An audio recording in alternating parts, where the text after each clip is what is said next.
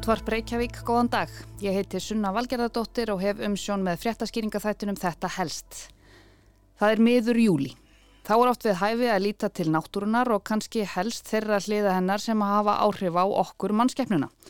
Flest höfum við verið bitinn af agnar smáum flögum hér undan farin ár. Sérstaklega kannski síðustu tvö sömur þegar við komumst illa af landibrott út af sólitlu. Lúsmí fannst fyrst hér á Íslandi sömarið 2015 í kjósinni. Þessi litli vargur hefur ekki verið mikið rannsakaður, það verðist ekki vera mikill áhugið til þess hjá skordýrafræðingum, segir profesor. En nú í sumar, og svo sem síðasta sumar líka, hafa einhverjið tekið eftir því að bitin verðist ekki vera alveg jafn slæm og þegar að flugan gerði fyrst vart við sig. Kláðin verðist stundum minni, segja vísindamenn, og ástæðan gæti verið svo að fólk myndar eins konar þól gegn bitunum. Ekki eru þó öll svo heppin því sum þróa þvert á móti með sér aukið næmi fyrir bitunum og fara því jafnvel enn verð út úr ásókn lúsmísins nú en fyrir sumur og fá slæmt ofnæmi. Ég gerði smávegis lúsmís samantækt fyrir þátt dagsins en það eru núna bara örfáir staðir eftir á landinu þar sem þessi vargur verðist ekki vera búin að gera sig heimakomin. Og þá heldur leðilegri hlutum. Margir finna fyrir kláða og útbrótum eftir sólríka daga undan förnu en það er lúsmí fyrr á ferðinni en áður. Þessi óbóðni vágestur hefur gert sig heimakomin hér á landi og virðist ekkert þá mótið því að gæða sér á mannablóði. Þetta var bara árás í orðsifiltumaríku eins og hann gerir besta flugur. Þannig að maður var bara tattúraður allstar þar sem maður sást í berskinn. Flugurnar halda sig á grónum, skjólgóðum stöðum og margir hafa þurft að gera ráðstafanir vegna þess. Við höfum orðið svar upp í sumbústað og þá höfum við bara sett sko, net fyrir gluggana þar en við höfum líka lendið í að það, þegar komast inn þá sleppum við bara að fara upp í sumbústæði í sumarið sem er kannski ekki alveg það sem maður vil. En þau bara passið á því að, að slæma reynsla því að, að við erum átt með glugga á nótunni. Nokkrir dagar geta liðið áður en bitin koma fram en þeim geta fyllt mikil ónót og kláði. Á kvöldin leitar lúsmíið inn og ræðst á grunlaust fólk á meðan það sefur. Þarna heyrðum við í Holmfríði Dagníu Fríðjónsdóttur fréttamanni og nokkrum þólendum lúsmís í sjómasfréttum fyrir þremur árum í byrjun júni 2019. Þarna var lúsmíið heldur fyrr á ferðinni en alla jafna eða fyrr á ferðinni heldur en síðustu sumur þar á undan skulum við segja. Nú er þetta orðin nokkuð eðlilegur partur af okkar tilveru, hvort sem okkur líkar betur eða verð. Íslandingar eru sérstaklega næmir fyrir biti flugna og borðið lúsmíið, moskítoflugur og þessartar, sagði Sigur Björg Þorstensdóttir Hún er ónæmisfræðingur við tilrunastöð Háskóla Íslands í meinafræðið að keldum og var í viðtala við Rúf síðasta sumar. Trúlega sé það vegna þess að þegar við erum að alast upp hér á landi komumstu ekkert að ráði í tæri við bitflugur af þessu tægi. Þess vegna sínum við svo mikil viðbröð þegar að því kemur að við erum bitin. Þetta þekkja íslenskir námsmenn erlendis sem lenda oft sérstaklega illa í því, sagði Sigurbjörg og þó að sum okkar verðast hafa mynda eitthvað þól gegn kláðanum á það sannarlega ekki við um okkur öll og sum hafa tekið mjög drastískar ákvarðanir til þess að losna við flugurnar eins og kom fram í umfjöllun Hafdísar Helgu Helga Dóttur í speklinum á Rás 1 þann 23. júni síðastliðin. Agnar lítil blóðsuga hefur á örfáum árum náða að setja marksitt á líf fjölmarkra Íslandinga yfir sumarmániðina. Hlínandi loftslag virðist hafa hjálpað til við að lokka lúsmíið frægasta skortýr landsins hingað á svo stuttum tíma. Gísli Már Gíslason er profesor emeritus í lífræði við Háskóla Íslands. Hún er þekkt frá Míða-Európu og Norður-Európu og Östur í Rúsland mjög algeng til dæmis á Breitlandsegum og er ángra fólk þar. Að minnstakosti þúsund tegundir lúsmís eru þekktar en fram til ásins 2015 hafðu aðeins sex þeirra verið greindar hér á landi. Þær tegundir lögðust ekki á fólk. Svo mætti sjöunda tegundin til leiks og það með látum. Bitvargurinn gerði fyrst vart við sig í kjósinni og Svínadal norðan megin kvalfjardar en samkvæmt náttúrufræði stofnun Íslands fóru ábendingar fljótlega að berast víðar af suðvestur landi. Íbúar Mósfellsbæjar, Gravarvoks og Hafnafjörðar fóru hver af öðrum að vakna út bytnir og sama má segja um íbúa í Leirársveit, Melasveit, Skorradal í Borgafjörðarsíslu og fleiri stöðum. Nú er lúsmið að finna í flestum landshlutum. Það má segja að það sé svona á lálendi en samt ekki við sjáarsíðuna á Suðurlandi, Vesturlandi og Norðurlandi alveg til eigafjörðar og svo Snæfisnesi. Það frekar í uppsveitum en við erum lítið nærum um lífsferil og, og hvar lirfan elst upp vegna þess að það er engi sem er að stunda rannsóknir á lúsmi. Þrátt fyrir einstakann áhuga íslensku þjóðarinnar á þessu agnarsmáa óargardýri virðast skortýrafræðingar hér á landi ekki deila þeim áhuga. Að minnstakosti ekki enn. Gísli segir að tegundin hafi heldur ekki verið mikið rannsökuð í öðrum löndum. Því sé mörgum spurningum ósvarað um fluguna. Við vitum að lirfur lúsmís almennt lifa í deilend. Er annarkot í mýrum, vötnum eða ám, eða lækjum og svo jáfnvel í degum túnum. Hver lengi lirfan er að þroskast, það er ekki vitað en miða við að flugtíminn hér á landi þegar fullondu flugurnar eru uppi við og er að býta fólk er, eru þrýr mánuðir. Það gæti að bendi þess að það væri tveir og jáfnveg þrýr lífsverðlar ári. Mm. Og svo er einn lífsverðin þessi lifæni allan vetturinn og svo kemur fullmánufluga, býtur og verpir og svo kemur næsti lífsverðin sem tekur styrtri tíma kannski 1, 2, 3 mánuði fyrir eftir því hverju margi lífsverðlar. Þetta er það sem við vitum um þessa flugur og það er bara fullunastígi sem, sem býtur spendir og, og blóðið er nöðsilegt hvendýrunum svo ekkin getur þroskast og það getur verðt aftur. Gísli segir að flugan sé nokkuð lífseg og fyrst hún hafi náðað nema land hér sé hún komin til að vera. Hún hefur ekki enn gert vart við sig á vestfjörðum eða austfjörðum. Hann segir þó líklegast aðeins tímaspjörsmál hvenar örsmái bitvargurinn finnist þar. Sko hún er mjög algeng frá Eyjafjöldum vesturum Bjöðurland á Vesturlandi og svo á Norðurlandi vestra að Eyjafjörði og Snæfisnesi. En svo er til til dæmis tilfelli frá Hortnamferði þar að menn fengi bit þannig að hún er að dreifa sér og það er bæði getur hún fóki til, það er lítið kvíkindi um 1,5 mm og bers með vindum. En einnig þá er hún að berast sennilega með hjólísum og húsbílum og, og svona meðan fólk er að ferðast á sömurinn og þetta er bara inn í þessum hjólísum og svona og, og berst þannig til nýra sæða. Meira en helmingur allra sumarhúsa á Íslandi er á Suðurlandi og þar er lúsmíð hvað algengast. Dæmi er um að fólk hafi selt sumarbústæði sína vegna óværunar.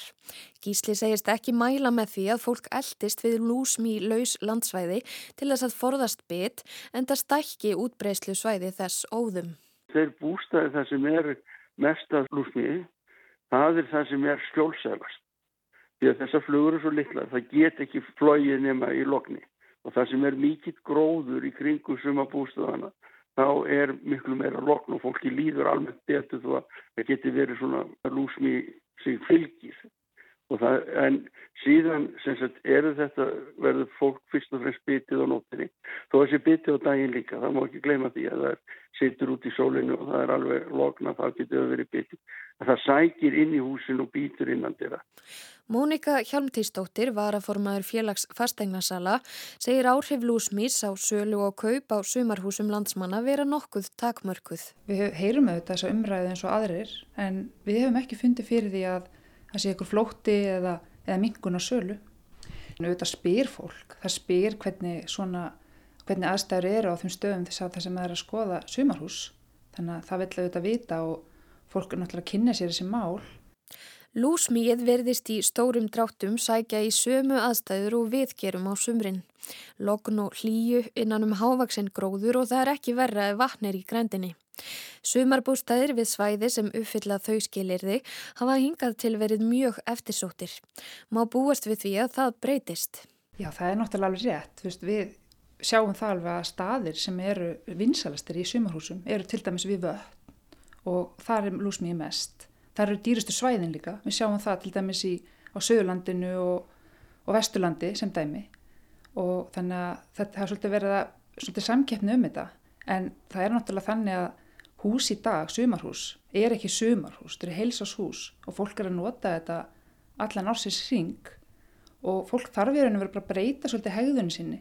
Vist, núna er kannski fólk ekki endilega borða kvöldmattin út á palli í logninu eins og við myndum kjósa þegar solis dagar koma þannig að fólk þarf að fara þá frekar inn og, fólk þarf þá að breyta í raun og verið hegðun sinni bara aðlaga sig að þessum aðstæðum. Þannig að við erum ekki að sjá að fólk sé að með eitthvað flótta, þannig að fólk er einu bara, við erum bara að læra að lifa með þessu. Þannig að ykkar tilfinningar ekki svo að fólk sé bóstalega að gefast upp á sumarhúsum vegna þessa? Alls ekki, alls ekki. Og, og þetta er bara, þessi markar er einu veru bara nokkuð svona, bara jafn og þjættur, það er bara búið að vera eftirspurn eftir þessu svona jafn og þjættur, það er náttúrulega ekki sama sömu lætin og hafa verið á íbúðarhúsnaðum, en, en við erum bara, sjáum bara þennan markaður en við erum að vaksa og dafna áfram. Segir Mónika Hjálmtísdóttir áður heyrðum við í Gíslama og Gíslasinni. Sumarlandin let sig lúsmíðu varða sömuleiðis nú fyrir sumar. Edda Sef Pálsdóttir tók prófessorinn Gísla Má tali út í gardi og baðan um ráð til þess að losna við vargin. Hafi, ég held að þetta sé lúsmí. Nei, það. Getur þær lifað í svona veðri? Já, greinilega þessar. Hvernig er það að losna við þær? Sko, ég hef ekki hugmynd en Edda Sif geti vita meira um það. Sko, stórstjarnan síðustu sömur hefur verið þetta lúsmí. Já, fólk hefur mikið náhuga á því. Hva, af hverju er það allt í einu hér? Hvaðan kom það? Og hvað er það? Já, við vitum ekki hvernig það kom. En nú hefur hlínað á undanförnum áratugum og núna eru sennilega veðurskilir miklu betur fyrir það að að, að klekjast í, í, í, hérna, í miklu magni og, og það er hlýra, það þarf hlýjindi, það þarf stilt veður, þá getur það flóið um, þetta eru ösmá skortir, þau eru svona 1-2 mm á stærð, þau eru fullorðinn, koma upp úr deilendi, yfir veturinn er lirfan að lifa á kannski þráðormum og öðrum lirfum í, í, í á vassbotni eða í mýrum eða einhverju deglendi. Svo þegar það fyrir að hlýna þá púpa það sig og klekjast þessu annað mý. Þetta er náskilt mýi, ríkmý og öðru slíkum. Og þá er þessi tegund sem einn tegund af sjö tegundur lúsmís sem eru hér á landi sem býtur spendir. Ah. Og við erum spendir. Já. Og við sérstök veðurskiliri, ofta sem er mikill trjágróður, það sem er lengt skjól þá, þá náða þær að fljúa á mann og, og, og sjúa. Þetta er svo lítil dýr, maður verður svo lítið verfiður. Mm -hmm. Svo hafa þau þann eiginleika að geta læðst inn í hús og þegar fólk sefur þá býtur það handleggi og annað sem stendur út undan sanginni, andlitið og svona. Ja. Og það er það sem pyrra fólk. Og við vissum ekki að, að þessi tegund af þessum sérna þessi nýja tegund væri komið til landsins. En hún, við verðum fyrst verðum við hana í 2015 og þá í kjósinni en svo kom í ljós að hún er miklu útbreytari hún er hérna á allir Suðurlandi fyrir, frá fljósliðinu og vestur. Hún er í, um vesturland í Borgafyrði og annar staðar. Og hún er líka á Norðurlandi því ég er verið bitin í Húnáðsíslu, hún er á meira svo Akureyri. En aðri landslundir svo vestfyrir, Snæfisnes, Östfyrir þeir hafa verið lausi við þetta í bíli en hún á öruglega eftir að dreifa sig þangra. Er það ekki bara tímaspursmál? Jú, jú, þetta gerist á einhverjum áratugum. En hvað, ef eitthvað, er hægt að gera? Ef þú getur sett, haldið þetta glukkunlokkuðum lokað, engin, ef opnarlega fögur, ef maður lokað aftur og og, og dyrnar eru settar á stöfum, þá, þá fer þetta ekkert inn í húsin. En fólk getur líka sett, haft að opna glugana og sett fínriði nett. Það verður að vera svo fínrið að það hefur verið svo brú, brúðarslör sko, þannig að flugurna fari ekki í gegn. Þá virkar það.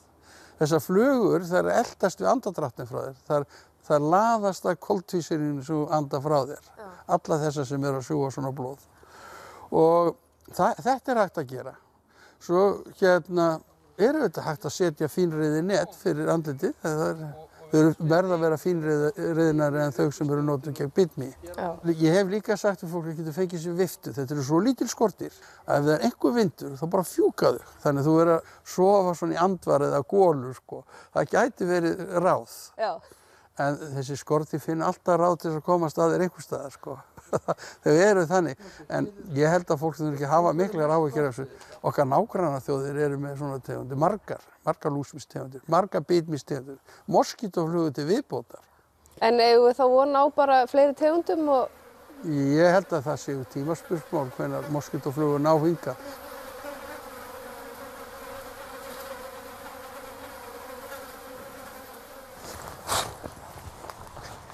Þetta er ekkert búið skemmtilegt en er þetta ekki bara eitthvað af því sem við þurfum að lifa með og læra á? Jú, ætli það ekki. Við getum vist lítið annað gert. Svo er þetta spennand að sjá hvort skortýrafræðingar og aðrir náttúruvísindamenn í þeim geira þrói með sér áhuga til að rannsaka þennan nýja landnema okkar. Lúsmíð var helst hjá okkur í dag. Takk fyrir að leggja við hlustir og við heyrumst aftur á morgun.